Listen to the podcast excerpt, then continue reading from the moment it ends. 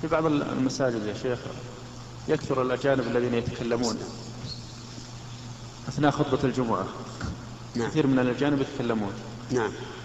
هل يحق للخطيب المداومة على التنبيه عليهم؟ لأنهم يتغيرون. نعم.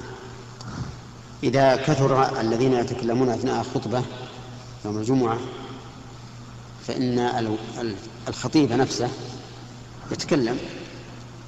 وقل بلغنا أن أناسا يتكلمون وهذا حرام عليهم ويأتي بالحديث الدال على ذلك.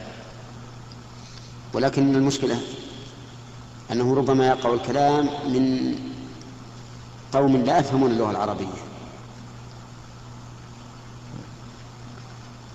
فتقع المشكلة. وحينئذ لا بأس أن يشير من حولهم أن يشير لهم بالإشارة ليسكتهم لا بالقول. لأن تسكيتهم بالقول